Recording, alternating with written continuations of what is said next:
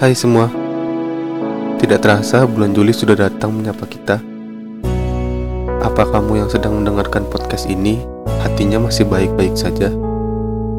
Jika sampai saat ini hati yang rapuh itu masih tidak baik-baik saja, mungkin kamu masih belum bisa melupakan semua hal yang terjadi di antara kamu dan dia. Tak apa, perlahan saja untuk melupakan perlahan saja untuk mengikhlaskan. Sebab hatimu tidak bisa dipaksa untuk menjadi baik-baik saja setelah semua hal tentang dia harus menghilang darimu.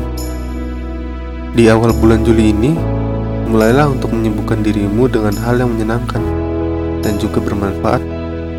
Contohnya mungkin bisa dengan bermain musik, menulis artikel, membuat podcast, ataupun hal lainnya yang membuat dirimu senang jika melakukan hal tersebut. Karena melakukan hal-hal yang kamu tidak suka malah tambah nggak baik buat hatimu itu.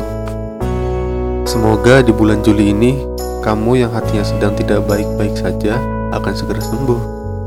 Menjadi orang yang dapat mengikhlaskan semua kejadian di masa lalu dan dapat semakin dewasa dalam menyikapi segala hal yang akan datang nanti. Ngomong-ngomong soal dewasa, Kejadian yang pernah kita alami seperti diputusin, dikecewakan, atau digantungin itu merupakan rasa sakit yang hampir dari kalian semua mengalaminya bukan?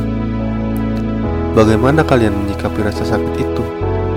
Apakah kalian menyikapi dengan pikiran yang jernih? Atau malah berlarut-larut menyikapi sakit itu dengan kesedihan yang tidak berkesudahan? Kalian tahu, rasa sakit itu adalah salah satu fase kehidupan dan juga suatu proses pendewasaan bagi kita semua.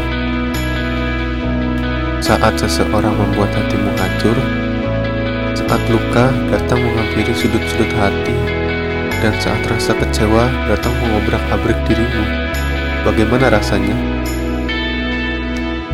Berapa lama kalian bersedih? Berapa kali kalian menangis sambil menahan teriakan kalian Apakah kamu juga sadar bahwa mungkin dia pun sedang disakiti olehmu? Kita perlu sadari bahwa rasa sakit itu merupakan sebuah fase yang perlu kita lewati agar hidup kita menjadi pribadi yang lebih dewasa. Dewasa dalam menyikapi bahwa kita masih hidup di dunia ini yang berarti kita masih harus tetap terus berjalan. Kembali meningkatkan kualitas diri, menjadi pribadi yang tangguh, dan dapat membuat hidup menjadi lebih bermakna. Sakit hati bukan merupakan akhir dari segalanya. Bukan berarti dunia berhenti sampai di sini. Jangan terus meratapi hal seperti itu. Hiduplah menjadi pribadi yang lebih baik dari sebelumnya.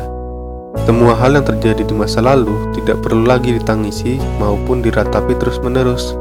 Doakan saja yang terbaik untuk orang-orang yang telah menyakitimu. Memang berat rasanya, tapi percayalah, Tuhan pasti akan membalas semua hal baik yang telah kita lakukan, termasuk mendoakan yang terbaik untuk Dia. Kita boleh kecewa, kita boleh marah, dan itu sah-sah saja untuk kita rasakan. Tapi jangan karena terluka dan kecewa, kamu malah menutup pintu hatimu untuk orang lain yang akan datang. Percayalah, kamu berhak bahagia. Di sana, mungkin dia sudah memiliki pasangan baru. Lalu, apa salahnya kamu membuka hati untuk orang lain?